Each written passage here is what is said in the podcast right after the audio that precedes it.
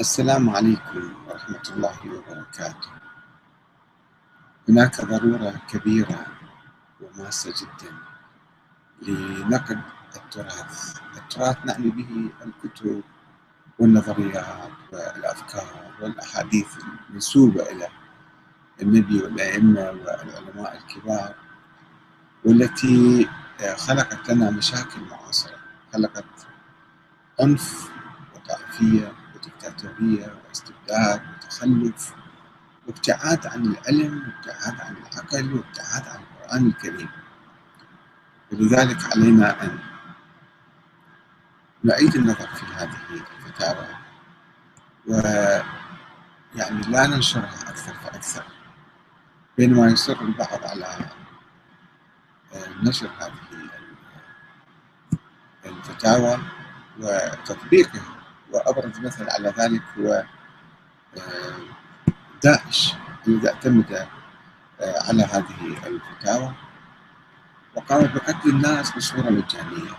هذا شيعي رافضي وهذا كافر وهذا مشرك وهذا مرتد وهذا يعادي الدولة وهذا كذا. وبالتالي يعني أنهارا من الدماء. ومن أجل ماذا؟ من أجل أن يقيم دكتاتورية باسم الدين باسم الخلافة.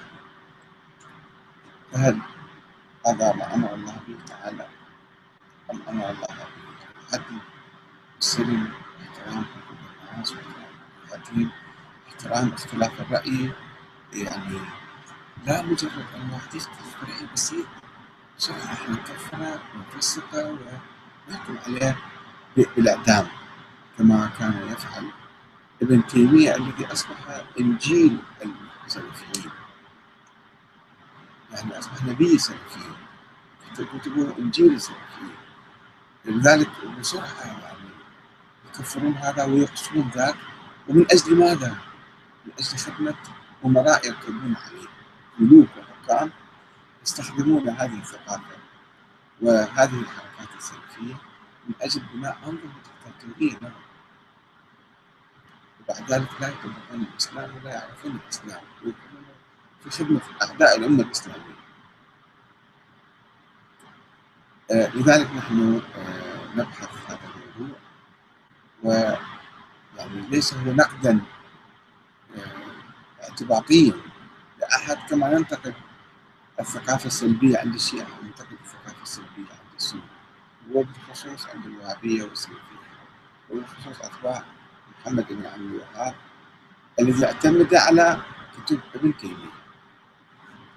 وهناك كما أحصى كثير من الناس الفتاوى الواردة في كتب ابن تيمية فوجدوا أنها 428 فتوى بهذا النص. يستتاب وإلا يقتل يستتاب وإلا يقتل بأبسط الأشياء.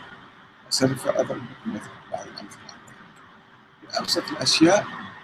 شرح يحكم. يستتاب وإلا يقتل. واجى تلميذ ابن القيم الجوزية أيضا نفس الشيء نفس الخط نفس المنهج. وبعض الناس احصوا ما وجد في كتب ابن تيمية وابن القيم. ف كلمة كافر مثلا. وردت كلمة كافر 917 مرة. من المسلمين يكفرون المسلمين. يعني كافر مرتد 29 مرة. حلال الدم 19 مرة. كلمة فإن تاب لا قتل 97 مرة. يقتل 829 مرة. كلمة يستتاب 219 مرة. تضرب عنقه أو ضربت عنقه 39 مرة. فهذه ثقافة ثقافة كل. حالة داعشي اسأل داعش من أين جاءت؟ بأي ثقافة؟ هؤلاء السلفيين جاءوا ودعموا وركب عليهم أبو بكر البغدادي حتى يكون خليفة وهؤلاء الذين يقتلون الناس. من يخرج من الموصل الآن يلجأ إلى القوات الحكومية هذا كافر يقصفوه بالهاونات نساء أطفال شيوخ كبار لا ليس مهم ذلك. أنت كيف تخرج من دولة الخلافة؟ هاي دولة الله بعد. فأنت قاعد تخرج من الجنة وتذهب للنار فيقتلوك بالطريق مو مشكلة. بعد يستبيحون الدماء هكذا بكل سهولة بكل يسر. ويتفنون يتفننون في أنواع العذاب. حرقوا غرقوا وبالقير وبالماء وكذا يعني يعملون أشياء ما انزل الله بها من سلطان ويضربون مثلا سيئا للإسلام والمسلمين. يقتلون الأسرى يقتلون الأطفال. فالآن أتحدث عن هذه الفتاوى آه، وهذه الثقافة ثقافة التكفير. اللي جاءت من ابن تيمية جاءت من ابن قيم الجوزية وزادها ابن عبد الوهاب محمد بن عبد الوهاب وهي اللي الآن تشوفون ماذا تعمل بالمسلمين ومع ذلك هناك من يسمي ابن تيمية شيخ الإسلام يعني شنو شيخ الإسلام؟ من لقبه بهذا اللقب؟ هل نزلت آية قرآنية بحقه أو حديث نبوي؟ شيخ الإسلام كيف شيخ الإسلام؟ شيخ الوهابية نعم شيخ السلفيه نعم اما شيخ الإسلام. كبيرة عليه كثير ترى. وجت السعودية وقامت تنشر بهاي الكتب. كانت تنشر وتطبع بالملايين حتى تنشر هذه الثقافة الإرهابية بالعالم. والآن عندنا حالة في كل العالم ثقافة إرهابية. افريقيا ناس مساكين حفاة عراة ويجوك ذولا بوكو حرام. ويردون يطبقون الشريعة ودولة الخلافة. فيقتلون ويسبون ويختطفون البنات من المدارس. ويفعلون بهن ما يفعلون. وهذا أمر حلال بعد هذول الإمام أسرع يعني فعلا هذه الروايات ما يجوز واحد يستمع لها. يعني أي عاقل ما يمكن يقبلها أي مسلم ما يمكن يقبلها. ولكن ذول يفتون بها. وفي التاريخ آه، أيام ابن تيمية كان حاكم مصري المماليك يسمونه الناصر بن قلاوون سنة 726 هذا اعتقل يعني فتاوى عجيبة غريبة صدق فحبسه وعلماء ذاك الزمان أيضا من السنة يعني تأذوا من هذه الفتاوى و آه، منهم ابن حجر الهيثمي المكي صاحب كتاب الصواعق وابو الحسن السبكي وولده التاج والشيخ الإمام العز بن جماعة كلهم من الشافعية والمالكية والحنفية كلهم ضجوا من فتاوى ابن تيمية. أه نشوف الآن الفتاوى اللي كم مرة تتردد في كتبه. وكلها يعني ما مستند إلى آية صريحة أو حديث نبوي وإنما اجتهاد أو ظن أو إجماع اجماع مدعى يعني. خلاص انه هذا راي من عنده يعني فقط. من لم يقل إن الله فوق سماواته على عرشه. مسألة في جدل في علم الكلام. أن الله في كل مكان موجود لو جالس فوق العرش فوق السماوات والأرض. كما يقول هم المجسمه الحنابلة المجسمه وابن تيمية هو مجسم. يقول الله في الإنسان. عنده إيد. وجه وراس وعيون واذانات وكذا وجالس فوق العرش ارسم في كرسي وقاعد فوقه إذا ما قلت الكلام فإنه يستتاب فإن تاب لا قتل. تاب ما يس اجتهاد وعنده شبهات أنت عندك شبهات. هو مثلا يبحث في المسألة هذه. لا إلا تقول مثل ما هو. إذا ما قلت فأنت كافر تستتاب. بسرعة يلا توب. ما تتوب. تتوب بالقوه يعني غير اقتنع اذا هو ما مقتنع. شلون يتوب يعني؟ يتوب فقط في الظاهر يعني يقول لك انتبت والله. والا قتل. ومن قال لرجل توكلت عليك وأنت حسبي أو أنا في حسبك. يعني واحد يعتمد عليه. يستعين بإنسان. صحيح إحنا نستعين غيبيا بالله تعالى بس ماديا في الحياة الدنيا نستعين بالناس نستعين بالنجار بالحداد بالفلاح بكذا. فإذا قلت انت توكلت عليك هذا كلام على الله فقط. يعني في أمور نسبية يعني وتعالى في حياتي في أموري في كل شيء ولكن إذا قلت لواحد آه ترى خلاص اتفقنا أنا وياك اتكلت عليك. لا إذا قلت توكلت عليك أو أنت حسبي أو أنا حسبك أو في حسبك يستتاب تكفرت فأنت ولا قتل بكل سهولة يعني. من اعتقد أن أحدا من أولياء الله يكون مع محمد كما كان الخضر مع موسى. قصة قصة أعتقد اعتقاد شيء وهمي. وهو كأنه أقول له مو صحيح كلامك. فإنه يستتاب فإن تاب وإلا ضربت عنقه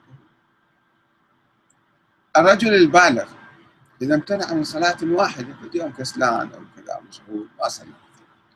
من الصلوات الخمس. أو ترك أو نام مثلا. أو ترك بعض فرائضها المتفق عليها. ما جاب عدد الصلاة مثلا بسرعة بسرعة صلى أو شيء من القبيل هذا. فإنه يستتاب. فإن تاب وإلا قتل من لم يقل إن الله فوق سبع سماواته فهو كافر. هو كافر به حلال الدم. يستتاب. في آيات متشابهة بالقرآن.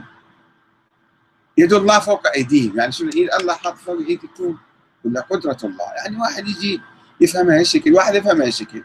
المجسم يفهمون يد الله يعني إيده. الله عنده إيد ويخليه فوق إيد الناس. أو ذلك الناس يعني آخرون يقولون لا يد الله يعني قوة الله تعالى. يد الله فوق أيديهم فوق قوة الكفار.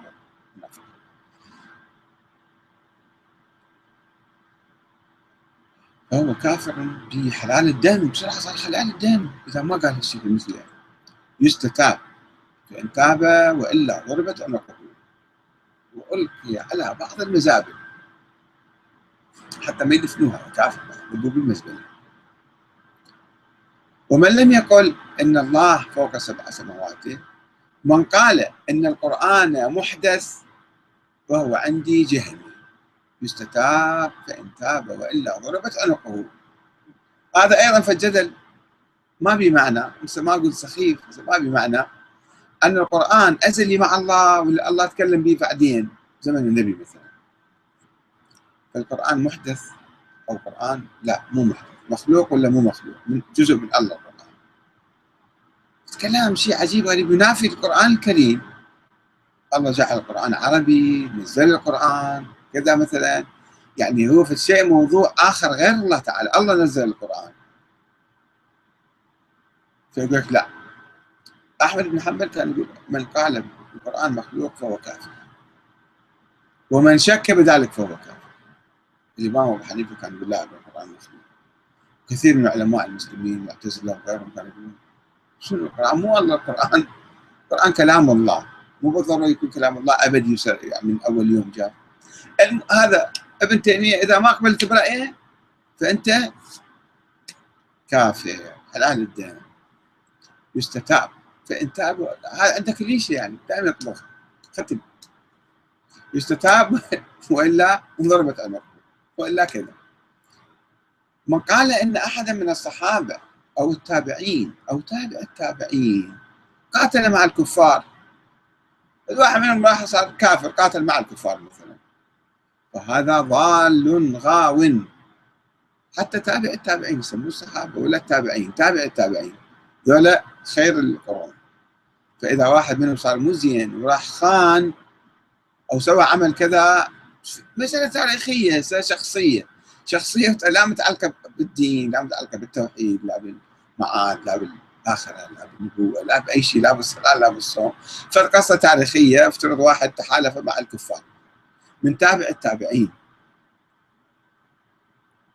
فهذا ضال غاو بل كافر.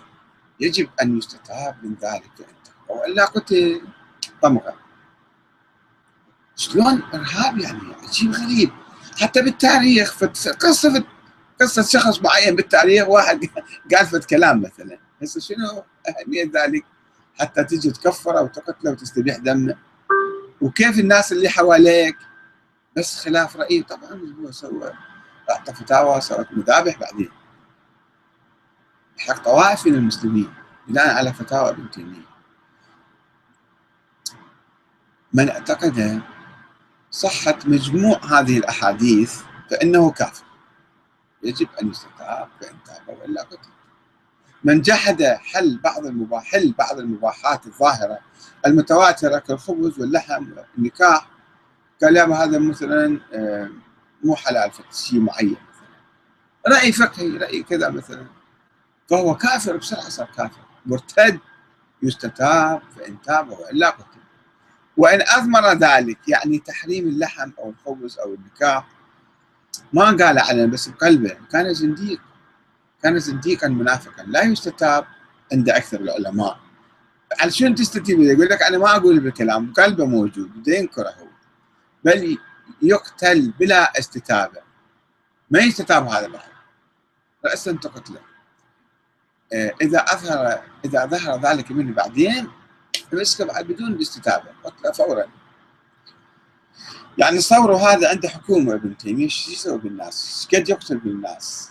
أي واحد يحكي كلمة طير رأسه. هاي حكومة ابن تيمية. تصور يعني الآن داعش وابن تيمية يحكم. من لم يلتزم هذا الشرع أو طعن فيه أو جوز لأحد الخروج عنه في مسألة معينة مثلا فإنه يستتاب. فإن تاب ولا من ادعى أن له طريقا إلى الله يوصله إلى رضوان الله وكرامته وثوابه غير الشريعة مثل الصوفية مثلا. فإنه يستتاب. التي غير الشريعة التي بعث الله بها رسوله رسوله فإنه أيضا كافر يستتاب فإن تاب وإلا ضربت عنقه أكل الحياة والأقارب حرام بإجماع المسلمين. ما في آية قرآنية عليها ولا حديث نبوي. إجماع المسلمين. فمن أكلها مستحلا الجيوش الآن العربية كلها يأكلون. تدريب. المقاتل بالصحراء يقاتل. ما عنده أكل. يلقى له حية جوعان يأكلها لما يأكلها؟ يعلموه من عادة الجنود والجيوش أنه كيف قوات الصاعقة خصوصا فمن أكلها مستحلا لذلك فإنه يستتاب. بس الله حرم الخنزير. غير الخنزير ما قال لك الميتة حرام. والميتة والخنزير ما حلك إياه إذا أنت جوعان. فإنه يستتاب. فإن تاب وإلا قتل. من قال القرآن مخلوق. نفس الشيء وأنه يستتاب. فإن تاب وإلا قتل. من قال إن الله لم يكلم موسى تكليما. قال الله خلق الكلام. ذول المعتزلة أيضا عندهم تأويلات أنه الله شنو قاعد هناك يتكلم؟ من حلق يطلع الكلام. الله عنده حلق يعني وعنده لسان وعنده صوت يطلع من عنده. حتى يكلم موسى تكليما يعني كيف؟ أو أن الله مثلا يكلم موسى خلق الكلام في الشجرة. خلق الصوت حتى سمع موسى. فيعني تأويل معين. ما دي يكفر بالقرآن ولا دي يكفر بالله بس دي يفهم القرآن بشكل معين. من أمور المتشابهة نفترض هذه. فإذا واحد قال لا إن الله مو هو الله جد تكلم. هذا كما يقول المتكلمون والمعتزلة وكذا. يستتاب. فإن تاب وإلا يقتل من ظن أن التكبير من القرآن فإنه يستتاب. فإن تاب وإلا قتل الله أكبر. أو, أو تقول النية مثلا بالصلاه مالتك اذا تنوي تظهر النية. أصلي صلاة الصبح ركعتين قربة الله تعالى. أنت تستتاب لا تقول هالشكل هذا كفرت أنت. على شنو كفرت؟ وإلا يستتاب وإلا يقتل من أخر الصلاه لصناعة أو صيد أو خدمة أستاذ أو غير ذلك حتى تغيب الشمس شوي واحد ساهل فيها. بس حرام سوى بس مو إنه يعني صار كافر. وجبت عقوبته لازم يقسطوا بل يجب قتله عند جمهور العلماء بعد أن يستتاب. بعد نسوي مرة ثانية. توب إلى الله وإذا ما تبت من قال إنه يجب على المسافر أن يصوم شهر رمضان على المسافر أكو ناس أقول لك سفر خفيف مثلا بالطيارة بالسيارة. وكلاهما ضال آه، مخالف لإجماع المسلمين. يستتاب. و فإن تاب وإلا قتل. بعدين يقول لك من أين جاء داعش وهي العقلية هي العقلية المتطرفة اللي تستبيح الدماء بسهولة. هاي العقلية اللي تسوي داعش. داعش مو فقط حزب جماعة لا ظاهر الآن منتشر في معرض الكلام عن النية في العبادات وأحكامها ومسائل الجهر ومسألة الجهر بالنية هل هي مشروعة أم؟ يعني عارفين كل القضايا الحيوية والحياتية الدنيوية والأخروية جاية على مسائل صغيرة بسيطة. ويتفتاوى فيها هل يجوز واحد يقول أنا أصلي صلاة الصبح ركعتين الله تعالى أو الظهر أو العصر؟ استفاض في الكلام حولها وحكم على من جهر بها وأصر على الجهر. بس أكو ناس متعودين بس يصلي حتى يركز يتكلم ينطق النية مالته حتى يركز ذهنه. أو معتاد على الشغلة هذه. يقول له أوف دير بالك أنت راح تكفر واصر على الجهر أن يستتاب. والا أستحق. القتل. يقول في والجهر بها وتكريرها منهي عنه وفاعله مسيء. وأن اعتقده دينا فقد خرج عن إجماع المسلمين. يعرف ذلك فإن أصر قتل ويجب تعريفه ذلك. في كتاب مختصر. يعني كل كتبه مذكور مملوءه من الاشياء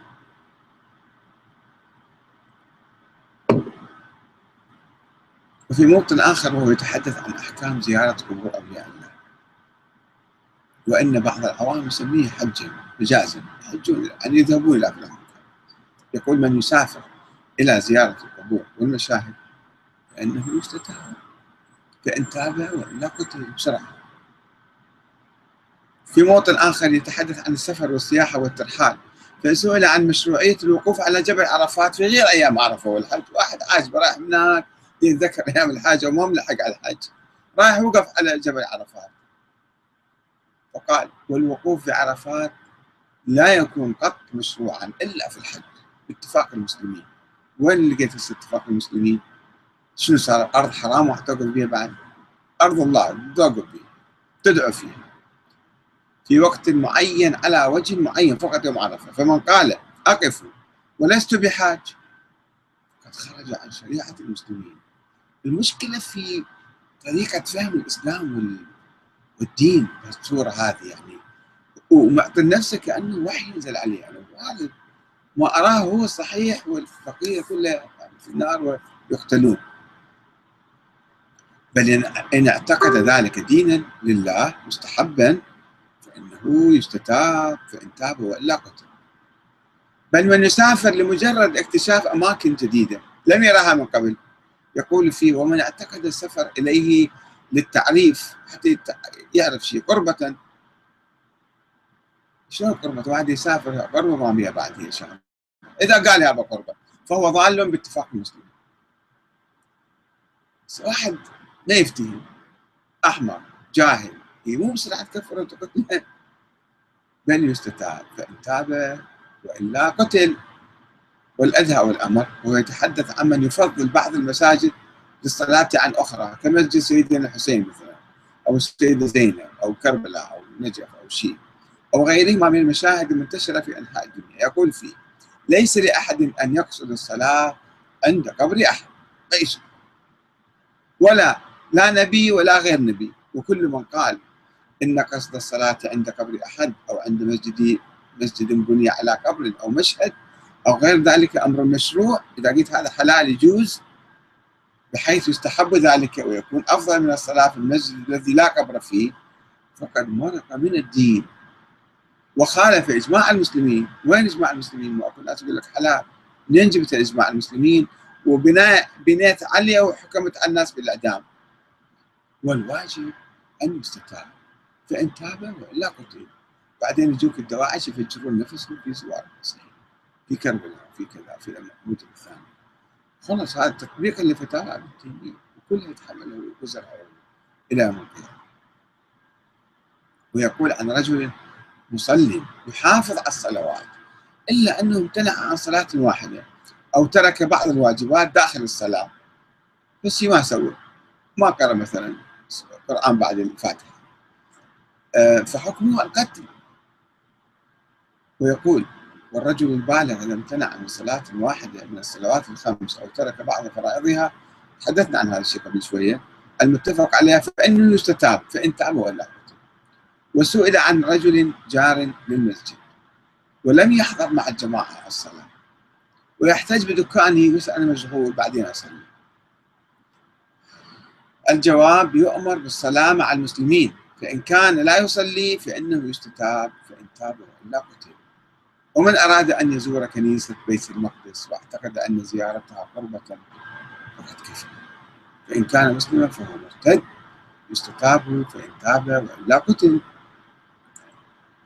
يدعو ابن تيمية إلى إكراه المسلمين بالسيف على العبادات وعلى الواجبات عن الالتزام بأمور الدين كما يراه هو وأتباعه.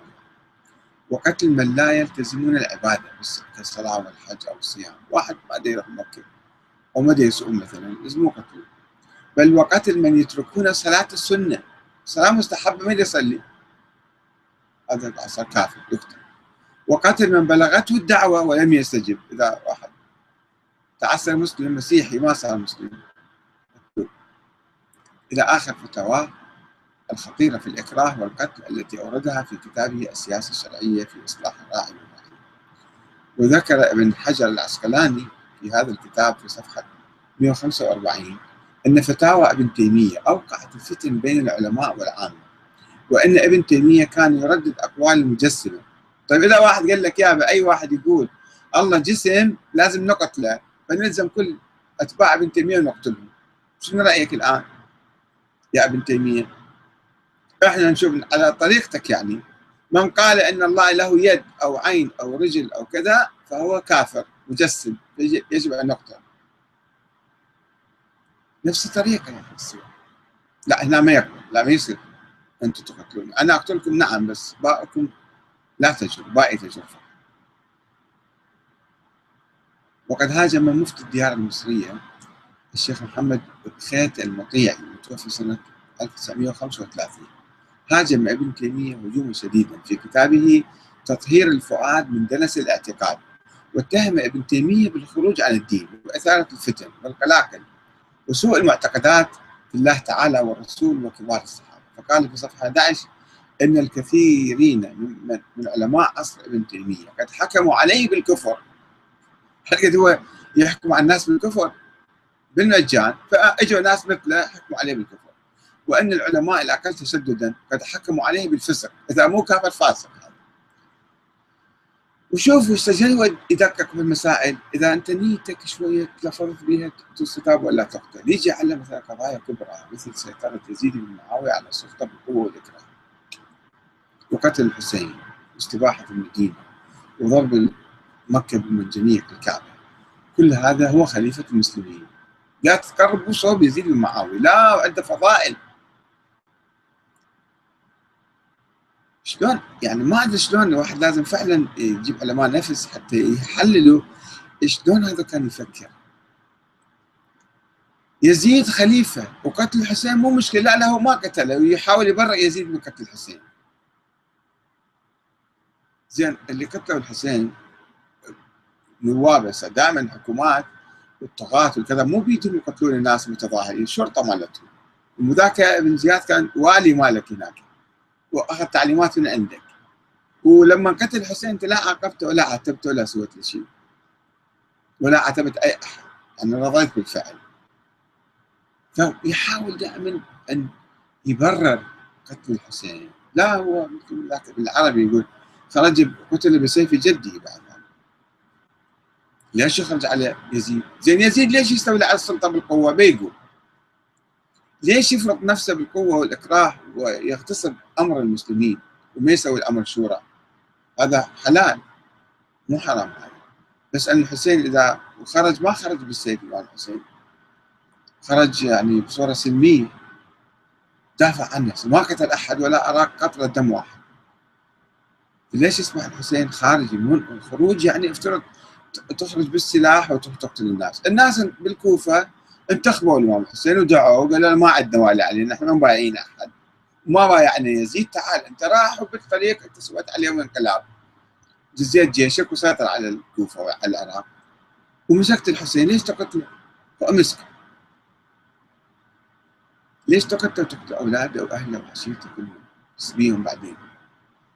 هذا يعني شوف شلون يعني مسائل طفيفة جدا.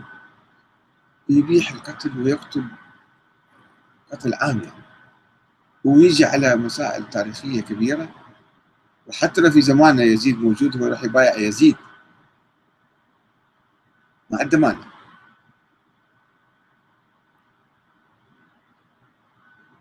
آه فشي يقول عن يزيد؟ لحظة خلينا نقرأ شوي من يقول يزيد الذي اغتصب الخلافة إحنا نقول وقتل الإمام الحسين وأهل بيته وأصحابه في كربلاء وأباح المدينة في واقعة الحرة.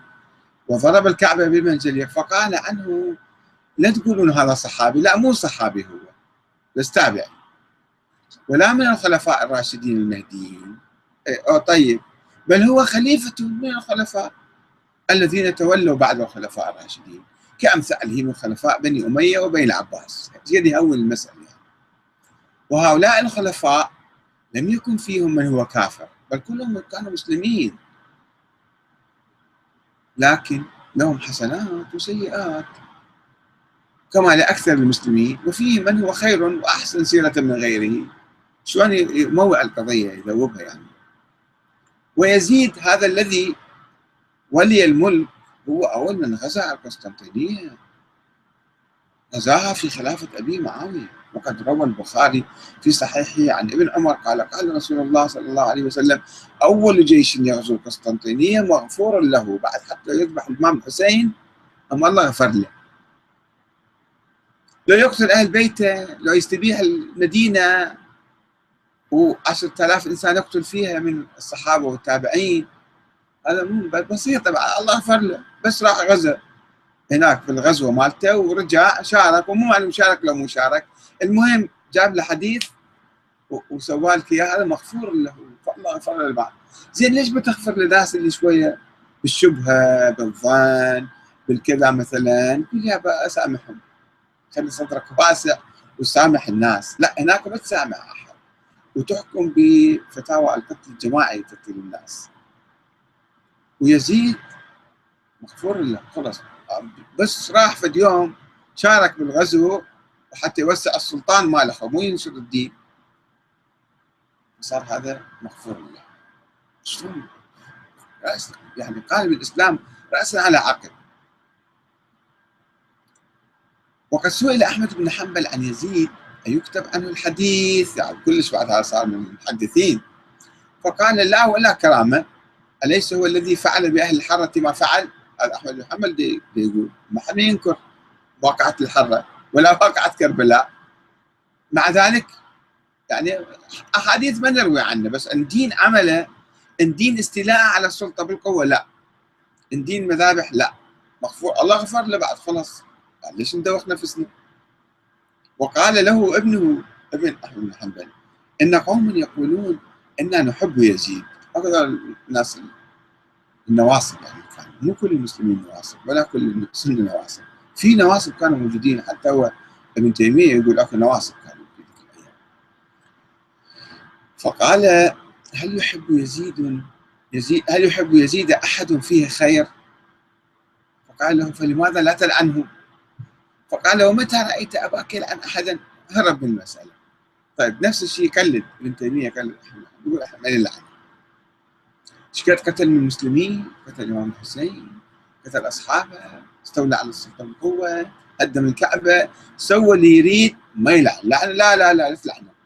لا ما يصير تلعن ومع هذا يجي برا الله ومع هذا في يزيد لم يأمر بقتل الحسين. يعني ليش دز جيش إلى كربلاء من الشام؟ ليش جاب ابن زياد؟ قال له روح ضيق على الحسين ومسكه وقتله. ولا حمل رأسه إلى إليه إلى بين يديه. لا هذا كله كذب هذا. ما شاله الرؤوس ولا نكت بالقضيب على ثناياه كلها مذكوره في التاريخ وكلها ينفيه بكل سهولة. بل الذي جرى هذا منه هو عبيد الله بن زياد كما ثبت ذلك في صحيح البخاري. ولا عطيف برأسه في الدنيا ولا سبي أحد من أهل البيت. بل الشيعة كتبوا إليه وغروه. أي شيعة طبعا؟ ناس كانوا يقولون إحنا آه نريد الإمام الحسين يجي وليش غروا؟ أكو ناس صادقين في كل حركة اجتماعية في كل حركة سياسية في كل حركة ثورية في تيارات وفي أحزاب وفي رجال وفي كذا. عامة الناس كتبوا الحسين تعال إحنا ما عندنا أحد والي علينا. بالأثناء صار انقلاب. الامويين سيطروا على الكوفة اعتقلوا ناس قتلوا ناس شردوا ناس وفي ناس ضعاف الدين والإيمان التحقوا بجيش ابن زياد. وفي ناس من جيش ابن زياد التحقوا بالحسين. مثل الحر بن يزيد الرياح. فكلمة الشيعة مو يعني الشيعة عبر التاريخ هم اللي خدعوا الحسين. هذه محاولة لتبرير جرائم يزيد. كل ذيك الفتاوى بالقتل عنده صارت بلاش حلال. هنا يزيد لا غريب مسكين مظلوم. بعد شوية يصير الحسين ظالم ويزيد مظلوم. مثل ما الآن كثير ما تشوفون أنتم. حكام ظلمة طواغيت يقتلون الناس يعذبونهم يستبيحون. وهم آخر شيء يطلعون مظلومين. وذول الناس المقتولين هم يطلعون هم الحق عليهم. فهذا المنطق هو اللي يحكمنا الآن. يحكمنا في داعش وغير داعش. أنه آه، بعد وين تتحدثون عن الديمقراطية وعن الشورى وعن احترام الناس وعن تعددية الحزبية وعن كلها مو موجودة في منطقة منطق هذا الفكر الإرهابي. لذلك نحن بحاجة فعلا إلى هذا واحد نموذج هذا طبعا في نماذج أخرى نفس الشيء. بحاجة إلى تبقية التراث من هذه السموم التي بسم الله تحاول أن تنطق فتوى يعني فتوى عندي يعبر عن الله حكم الله يعني.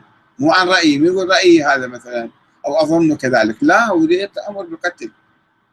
فنحتاج أنه ما نقلد أحد في الفتاوى وما نقبل لازم يكون عندنا ثقافة أخرى ثقافة التسامح سعة الصدر إيمان بالاختلاف الرأي الآخرين عندهم رأي قد يكون صحيح. مو بسرعة ما أجي أتهم هذا الإنسان بسرعة بس واحد يخالفني رأيي أيضا. أحكم عليه بالردة والكفر والنفاق والعمالة والخيانة وبعدين أستبيح دمي موجود عندنا ترى. كل الناس مو أكثر فرقة واحدة. في ناس متطرفين نفس عقلية ابن تيمية عندهم حتى لو يلعنون ابن تيمية. حتى لو يرفضون أفكاره وفتاواه من تجي يمهم اي هذا ظل مظل بسرعة ظل مظل على ظل مظل وأنت مرجع كبير وعالم وكذا. شلون تحكم على البلد واحد شوي؟ مسألة بسيطة صغيرة أختلف وياك. سوى تظل مظل كما فعل مجموعة من مشايخنا الكرام. سمح الله يا شنو؟ قال انه والله أنا أشك في كسر الزهراء هذا. معقوله الامام علي قاعد الآخرين وياه جالسين من بني هاشم وكذا وتطلع فاطمة ورا الباب وتنعق يأسروها ويكسرون ضلعها ويسقطون جنينها وكل هالقصة واليوم قاعد يشوف بابا قاعد ذليل. مو معقولة القصة هذه. أوه تقوم القيامة عليه. هذا صار إنسان منحرف أمين خائن سيف الله. ضال مضل كتبة تمنع بالمعارض. ما حدا يقرأ كتبة ما حدا يجيب اسمه ما حدا كذا. شنو الدكتاتورية اللي عندكم؟ نفس الشيء أنتم تسيرون على خطأ ابن تيمية. شيء تافه في راي تاريخي. لا متعلق بالدين لا متعلق بالله لا متعلق بالآخرة لا متعلق بالنبي محمد لا بالصلاة لا بالصوم. مسألة تاريخية بسيطة. غير معقولة وكذب في كذب في كذب. أسطورة في أسطورة. واحد يجي يقول لك يابا ترى هاي أسطورة. يقول والله أنت صرت كافر. مرتد. أنت عميل خائن ليش قاعد تهاجم مذهب أهل البيت؟ ليش هو هذا مذهب أهل البيت؟ الخرافات والاساطير هي مذهب أهل البيت. لو أنت قاعد تألف من عندها وتدافع عنها وتستفيد من عندها وعقليتك نفس عقلية ابن تيمية. بس كتبت العنوان كثير من الناس فرحوا. شلون أحمد كاتب بيهاجم؟ ابن تيمية. أنا أهاجم العقلية ما أهاجم الشخص هذا شخص واحد. أي واحد يصير نفس خط ابن تيمية عقليته ضيقة وجدا يعني آه، يكفر الناس ويضللهم ويفسقهم بسرعة هذا ابن تيمية معاصر. حتى لو كان مرجع كبير. ما يجوز إحنا نسمع اي واحد يعطي فتوى بسرعة يلا خلص هذا مرجع اعطى فتوى. وشنو الفتوى بالأمور الشخصية أن هذا والله عالم لو مو عالم مهتدي لو مو مهتدي أنت شو خصك به؟ الفتوى أن تقول مثلا الحلال كذا الحرام كذا. في الأمور العقادية لا يجوز التقليد أساسا ولا يجوز إصدار فتوى. فضلا عن الحكم على الأشخاص بعدين انت رحت حاكمته شفته سألته جاوبته ناقشته. من بعيد تطلق صواريخ أنه هذا هو المضل. وتقلب الناس والإعلام وعلى المنابر السب والشتم. وتلعن. نفس الطريقة نفس الشيء راح تسوي دكتاتوريه وارهاب الإرهاب في فتاوى المراجع المعاصرين. بعض المراجع طبعا اللي يفتون يشكل فتاوى العلماء اللي يفتي أنه أنا يعتقد نفسه هو الحق المطلق. ومن اختلف معه في مسألة بسيطة صغيره كلش. هذا ظل. مظل اذا إذا يظللون السيد محمد حسين فضل الله هو مرجع وعالم قد درس بالنجف واصلا لا درس ولا أفتهم ولا علم ولا شيء. كل هذا يمسحوه بسرعة. بعد يجون على أحمد الكاتب شو يقولون؟ أكبر مبتدع. هذا عمي شوية أخذ وأعطيه ناقش حاور كذا.